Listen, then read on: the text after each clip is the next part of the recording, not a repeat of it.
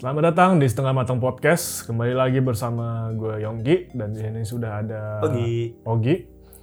Jadi kita kali ini di- di- bisa dibilang episode 2 dari Hmm. Setengah Matang Podcast. Di sini kita mau nge-review game. Review game dong. Hmm, review game. Ini apalah. Masa channel konten game nggak ada review game kan? Masa kita cuman curhat doang.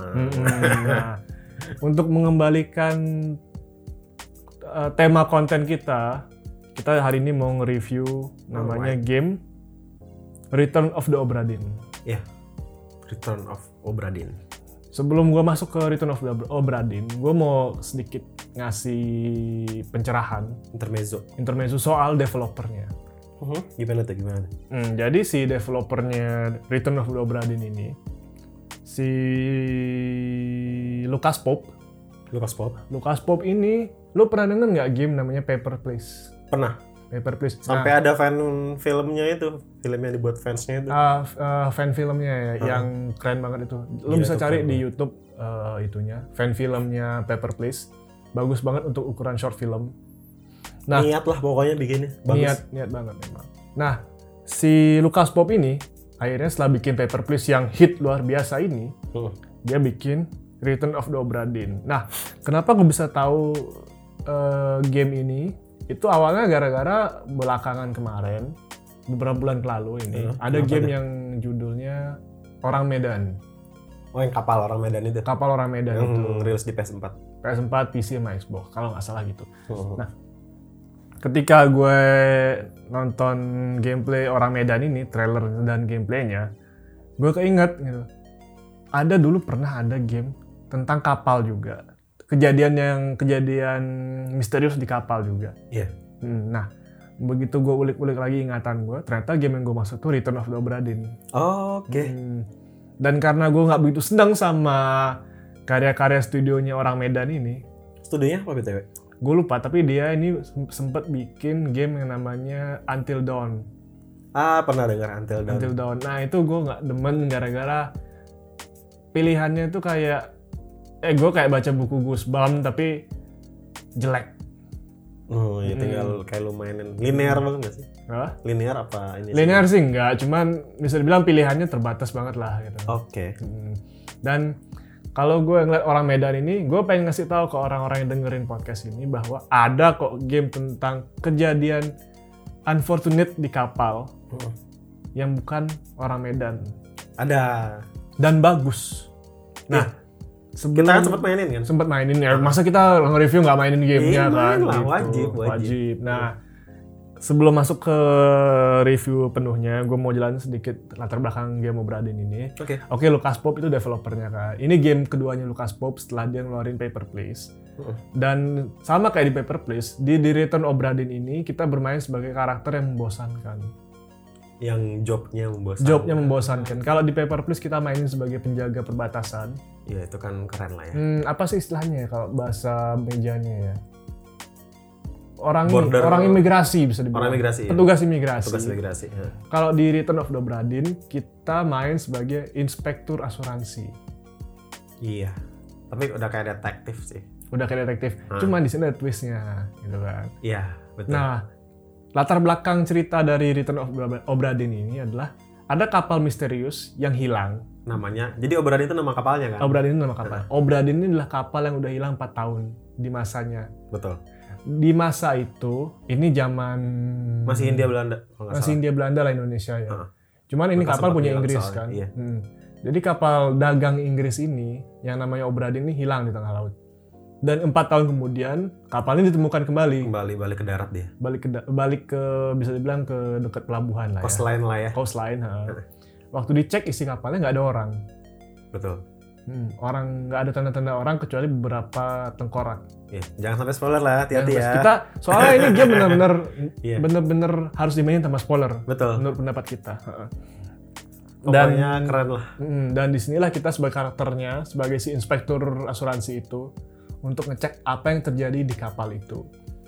Kan jarang-jarang ya kita dapat game bisa dibilang itu developer baru kita bilangnya indie lah ya. Iya indie developer. ini. yang storyline-nya itu bener-bener bikin lu wah masa sih begini sih masa sih begini sih Mhm. soalnya nanti di tengah game itu lo bakal menemukan hal-hal tidak terduga yang lainnya yang muncul Betul. Nah, kerennya gitu ini genre bisa dibilang apa? Dibilang detektif nggak juga. Mungkin lebih bilang Misteri, puzzle. puzzle Kayaknya kalau gua baca sih tadi di Wikipedia si Lucas Pop ngebi- bilang ini genre puzzle. iya tapi puzzle yang ada misterinya sama ada bumbu-bumbu detektifnya lah Dan ada mistismenya juga. Mistisnya Mistismenya, juga ada. iya, Ah, ada, ah. ada. Oke, habis itu kita bisa main berapa lama kira-kira ya? kemarin sih gue sempat main sekitar setengah jam awal sih Setengah jam awal. Nah, karena nanti ada beberapa alasan yang nanti bisa gue bilang di belakang lah kenapa gue belum bisa lanjutin main Oke. tapi seenggaknya gue paham inti-inti gini gimana Kalau gue sih main udah sampai tamat. Mm-mm. Jadi gue main itu sampai tiga, tiga kali ngulang. saking penasarannya ya. Karena gue waktu itu mainnya belum sampai true endingnya. Jadi gue main Oh. sampai tiga kali. Nah, endingnya banyak soalnya btw endingnya cuma satu sih. ah maksudnya kayak development story biar semua questnya lengkap lu bisa tahu full cerita dari ini nih gimana sih Kalau lu niat banget main. kalau niat banget kan Hmm, Nah, kita mulai dari poin ini dulu. Dari poin art style-nya. Hah, Art style-nya Obradin ini lebih ngingetin kayak zaman-zaman game Macintosh, zaman DOS bisa Betul. dibilang. Karena secara nggak langsung dia setelan layarnya, warnanya Apa istilahnya itu ya? apa ya? Pixel art bukan. Bukan. Kayak karakter tiga dimensi yang warnanya datar tapi dikasih outline. Hmm, Mungkin kalau pernah mainin game-game DOS atau Iya. mainin game 3D 3D awal di PC atau di Mac kurang-kurang kurang lebih kayak gitulah ya. Tapi lebih bagus, tapi bagus. Bagus, eh, lebih untuk- detail ya. Jadi nggak kayak nggak kayak kerasa ketinggalan zaman gitu enggak. Hmm. Soalnya rendernya bagus banget ya. Iya. Hmm. Terus apalagi? Ini voice actingnya, Wah gila, itu keren banget. Gua senang banget voice actingnya. voice actingnya. Kalau lu memang orang yang pernah main Assassin's Creed kan yang ke berapa ya? Kalau gua Semuanya ingat lah, kayak semuanya semuanya ini deh. Voice acting Assassin's Creed bisa dipakai itu. Ih, Iya, yang bajak laut itu kan gue dengar Oh yang suara ke pelautnya, Black Flag, iya, yang Black Black Flag. Flag kan. Ah, Ini gila keren banget voice actingnya. Belum lagi itu, satu lagi apa? voice actingnya oke, musiknya bro. Oh ya musiknya bagus banget. ya. Gue sebelum ngecek itu komposernya siapa. Iya. Cuman setiap segmen dari gameplaynya itu, kecuali di segmen eksplorasinya, ya, karena eks- Ah. segmen po- eksplorasinya emang gak dikasih Nggak dikasih background musik. Iya. music. Mungkin biar lebih imersif istilahnya. Betul. Tapi begitu kita masuk di beberapa segmen gamenya itu, setiap musiknya itu benar-benar sesuai dengan chapter gamenya, Chapter gamenya sesuai Hmm. tema di chapter gamenya. sesuai kejadian Melambangkan suasana dan Iya, suasana kejadian saat itu. Nah. kejadiannya benar benar benar nah game eh, artwork tadi udah voice acting udah soundtrack Nah, udah soundtrack udah. gimana dengan plot Plotnya, hmm. gue main plot-plot awal ya. hmm, Itu tuh kayak udah tembus 2 sampai tiga chapter lah. oke Jadi dia plot ini kebagi dari total berapa sih 8 chapter ya 8 kalau nggak salah. Eh. ya. sorry Jadi satu buku itu ada banyak sih gue lupa sih. oke 9 kalau nggak salah. Sembilan ya? Sembilan. Jadi gue main setengah jam awal itu kayak kebagi jadi tiga chapter, cuman satu chapter tuh belum keisi penuh. Hmm. Jadi sistem gamenya ini simpel sebenarnya, mirip secara nggak langsung mirip Papers Please. Lu identifikasi wajah, aksesoris dan lain-lain kan Hmm. di karakternya kan, Hmm. yang nanti akan lu pakai sebagai dasar lu identifikasi korban. Hmm, jadi eh, gampangnya gameplaynya itu berpengaruh dengan plotnya kan Betul. gameplay dari Obradin itu sebenarnya simple kita lu cuma di- lewat-lewat, Hmm. ketemu sesuatu, lu lihat flashback masa lalunya, dari flashback masa lalu lu lihat clue, Hmm. clue-nya lu masuk-masukin ke buku catatannya dia, terus Hmm. lu buat sebuah kesimpulan. Simple. Jadi simpelnya itu kita sebagai pemain, sebagai karakter utamanya yang kita mainin, Betul. kita dikasih lima manifest kapal yang isinya 50, Betul. 50 orang kan, kru dan Manifest- penumpang. buku manifest ya. kapalnya Manifest lah. kapal, Cuma penumpang, belum keisi kan eh, penumpang dan eh, kru. penumpang kru sama barang bawaan Barang bawaan nggak dimasukin pak, oh nggak masukin ya? nggak dimasukin. oh iya iya barangnya Tapi kita dikasih petunjuk barang bawaannya apa. iya Nah, iya Tapi kesampingkan barang bawaan, tujuan kita masuk ke kapal itu adalah identifikasi kemana 50 orang ini. Soalnya kapal ini waktunya balik ke pelabuhan kosong. Heeh. Nah, nggak kosong kosong amat sih Nggak kosong-kosong cuman amat kita nggak mau sih. spoiler ya. iya Jadi tujuan kita masuk ke kapal ini adalah identifikasi 50 orang ini. Nasib mereka gimana? nasib mereka gimana Hmm. penyebab mereka mengalami nasib itu apa Betul. Nah, dan di sana baru plotnya baru mulai di sana. Yoi. Nah, Em, plot udah, soundtrack udah, voice acting udah. Tapi Aku sumpah sih udah. gue bener-bener kalau lu main game ini wajib pakai headphone kalau nggak speaker yang bagus. Bukan bagus. Itu plusnya lah ya. Berarti plus dari game Plusnya. ini adalah soundtrack, voice acting, Voice acting sama soundtracknya terbaik. Hmm. sama plot mungkin bisa dibilang. plot. Kalau lu orang yang memang suka ngikutin, ngikutin cerita, gue yakin oke sih. Mhm. Apalagi cerita misteri.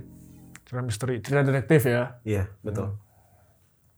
Tapi eh, yang kita saranin orang-orang yang main game ini kalau bisa nikmatin gamenya tanpa bantuan walkthrough. Iya. Hmm.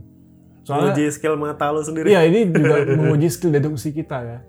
Dia bener-bener ngetes organ mata kita lah sama Hmm. telinga.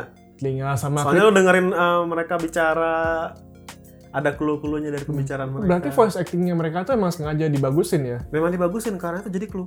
menjadi clue. Kayak ini orang asalnya dari mana? Bahkan ada kayak sesimpel gini. Gaya ngomong pelaut kan beda lah sama orang normal. Ah, ah, ah. Bahkan misalnya lu nggak tahu orang ini jabatannya apa dari dengar suara, lu bisa tahu bahwa dia seorang pelaut. Mm, misalnya dia ngomongnya, eh ma kapten, bla, Eh, bla." gitu. iya, oh ini iya. pelaut, ya pelaut, orang ini. kayak orang mabok gitu lah suaranya. Terus begitu lu lihat foto-foto di kapalnya, Betul. oh ini orang ngumpulnya sama ini ini ini. ABK, atau ABK. sama kru yang ini, kru yang itu. Ini orang berarti jabatannya ABK Jabatannya di apa? Iya. bagian apa gitu kan. Dia ini game benar- benar-benar nguji dedu- skill deduksi kita sebagai pemain, sebagai Gua player. kasih clue sedikit yang bisa bikin mungkin orang tertarik ya. Apa itu? lu bahkan harus ngelihat sampai clue yang sekecil orang ini pakai ada cincinnya nggak sih cuman buat menentukan status dia udah nikah apa belum Hmm, atau dari ini barang bawaannya mereka. betul Hmm. seragam Di Mereka kalau misalnya waktu waktu di flashback mereka biasanya ngumpul di deck apa sih gitu Iya, kan buat betul. ngasih tahu mereka ini jabatannya apa gitu. pokoknya menarik lah Hmm. Dan kalau bisa itu tadi jangan main pakai walkthrough kalau buat awal-awal di pertama-pertama. Iya. Nggak apa-apa gagal pertama kali itu nggak apa-apa soalnya gamenya bisa diulang kok. Dan betul dan, nggak panjang-panjang amat sih gamenya. gue yakin lu pasti akan kepo sama ceritanya Benar benar. Oke tadi kita udah bagus-bagus udah bagus bagus-bagusnya ya. iya Sekarang kita masuk ke bagian yang kritiknya. yoi Hmm, gimana kalau lu dulu yang mulai nih, Gi? gue sih sebenarnya nggak mas nggak terlalu bermasalah sih sama grafisnya cuman gue kan udah lama nggak main game yang tipenya FPS ya Hmm, first person ya. Apalagi tipenya bukan yang shooter. Shooter kan lu jelas ngarahinnya kameranya stabil. Ini adalah game FPS di mana lu bakal muter-muter mouse lu ngeliat ke segala arah. hmm, Buat yang gak terbiasa bakal tentunya mual-mual. Gue Hmm. awal main sempat mual dikit sih. Mungkin gue udah lama juga kagak main game FPS hmm.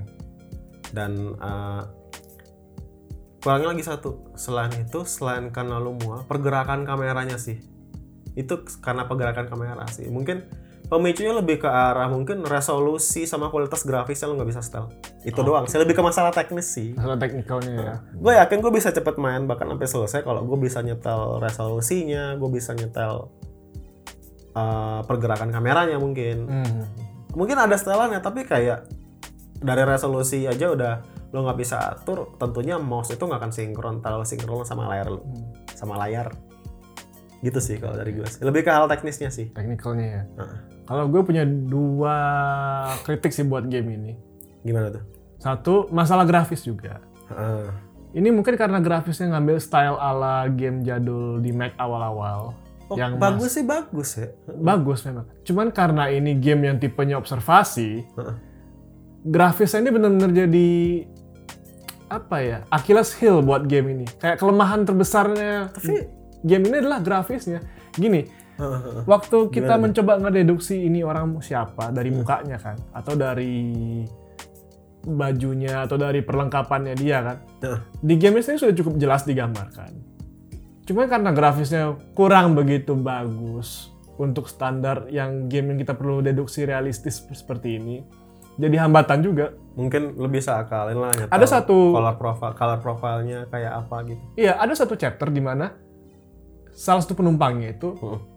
kita harus deduksi kan, ini orang matinya kenapa sih?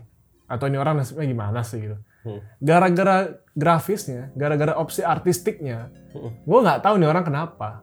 oh mungkin lebih kayak tantangan Sampai yang gue hampir stres tuh. harus pixel peeping gitu loh nggak Iya, sih gue sampai ini orang kenapa sih gitu? Cuman gara-gara grafisnya. Gue sampai rubah-rubah warna opsi grafisnya kan. Iya, coba- Biar tahu coba. nih orang kenapa gitu. sampai akhirnya ya udah gue nyerah gue baca walkthrough akhirnya soalnya ini gue udah mati Nyambung nggak kira-kira pas lu baca waktu? kagak Nggak kelihatan sama sekali. karena kalau ini kalau kalau ini orang nggak kasih tahu di walkthrough ini gue nggak tahu sama sekali ini orang Oh, iya? gara-gara itu nasibnya Anjir. nasibnya gara-gara itu Tapi ini sih, mungkin dia bawa bawa stylenya Papers, Please sih kan kayak gitu. iya sih dan ya, karena ini game indie kan jadi Game mungkin indie Ah. keterbatasan apa Mungkin sih? nggak bisa dibilang kekurangannya juga sih, karena dia secara nggak langsung dia bawa style lama ke game yang baru. kayak dia bilang keterbatasan teknisnya itu dijadiin malah kelebihannya gitu. Heeh, jadi kayak lu harus, oh, lu dibatasin segini, lu bisa nggak sih ngeliatin ini gitu? Ya cuman Masuk itu sih akal, masuk kritik gua akal satu soal grafis itu. Mungkin kalau bisa harusnya grafis itu dibikin sedikit lebih mulus lah. Lebih mulus. Ya, ya. At least untuk untuk karak, muka karakter mukanya ekspresi mukanya biar lebih jelas kelihatan. Soalnya Soalnya di Papers, Please juga gitu, susahnya kayak gitu. iya sih. Entah kenapa mungkin memang developernya sengaja kali kayak gitu stylenya. Well, memang tantangannya eh, nilai lebihnya game itu di sana karena istilahnya udah banyak gitu itu lagi. berarti itu bias biar bias artistik developernya berarti ya. Si kan. Iya, Mungkin Paul stylenya itu mereka ya. udah kayak gitu. Kita mungkin tunggu aja game berikutnya. Buat Kalau game ketiganya konfirmasi. masih kalau game ketiganya masih jelek juga ekspresi mukanya berarti ya memang udah style mereka. Iya, nggak bisa, Confirm. di- iya, nggak- nggak bisa dikritik lagi berarti ya. Iya. Tapi itu satu. Yang kedua adalah replayability-nya. Iya, betul. Waktu gue tamatin ini game dan dapetin true ending ya, Mm. gue nggak bisa mainin lagi. Soalnya Kayak udah tahu cerita, udah selesai lah ya. iya udah gini loh, gue punya teori kenapa orang-orang suka main game detektif, game puzzle atau game misteri gitu. Karena begitu tahu misterinya apa, Hah. begitu dapat pemecahannya atau da- tahu rahasianya, kan ada efek, wah ternyata gini ya, Betul. ternyata gitu ya. Gitu. Dan Terus begitu udah mereka tahu penasaran. cerita, eh, karena penasarannya itu udah udah selesai, makanya seneng.